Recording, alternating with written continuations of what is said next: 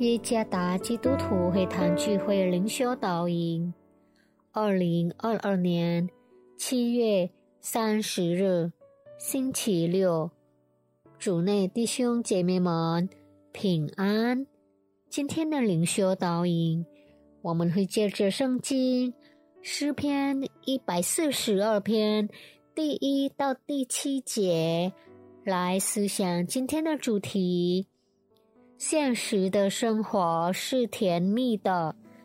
作者：于来发传道。诗篇一百四十二篇第一到第七节。大卫在洞里做的宣会诗，乃是祈祷。我发声哀告耶和华，发声恳求耶和华。我在他面前吐露我的苦情，陈说我的患难。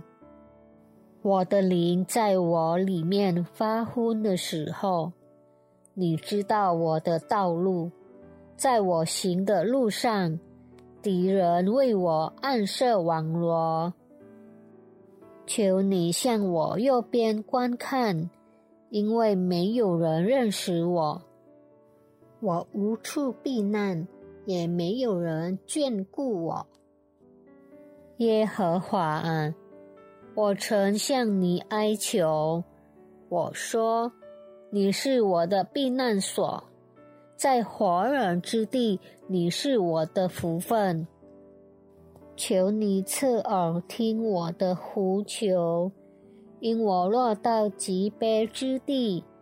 求你救我脱离逼迫我的人，因为他们比我强盛。求你领我出离被囚之地，我好称赞你的名。一人必环绕我，因为你是用厚恩待我。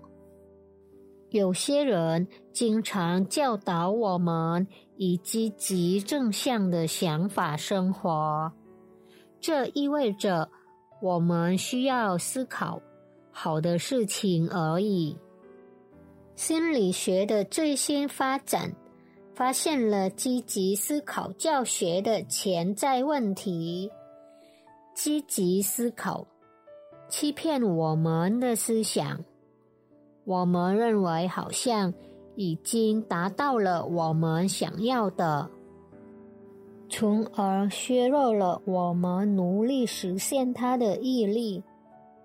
这并不意味着我们必须总是以消极负面去思考。我们所要做的就是现实实际的思考。现实意味着我们乐观的实现我们想要的东西，但仍要考虑摆在我们面前的障碍或挑战。现实的生活是好的，因为能帮助我们意识到我们是多么的软弱。我们需要依靠一个更强大的位格。那位格就是神。诗篇一百四十二篇是大卫在困境中创作的。他被扫罗追赶，不得不躲在亚杜兰洞里。大卫在那里找到了非常庞大的军队。沙姆尔记上二十二章二节记载。凡受窘迫的、欠债的、心里苦恼的，都聚集到大卫那里。大卫就做他们的头目，跟随他的约有四百人。但是大卫所想的是什么呢？他不但没有利用千载难逢的机会，全力反击扫罗。反而是向神哀求，他晓得到自己的软弱，并说：“耶和华，我曾向你哀求，我说，求你侧耳听我的呼求，因我落到极边之地。求你救我脱离逼迫我的人，因为他们比我强盛。大卫意识到，如果没有神，他将无能为力面对他的敌人。虽然就逻辑而言，四百名士兵将无法赢得与扫罗军队的战斗。然而，大卫对自己的局限的了解，使他完全依赖神。作为神的儿女，我们的生活有时并不容易。我们有成功的远大梦想。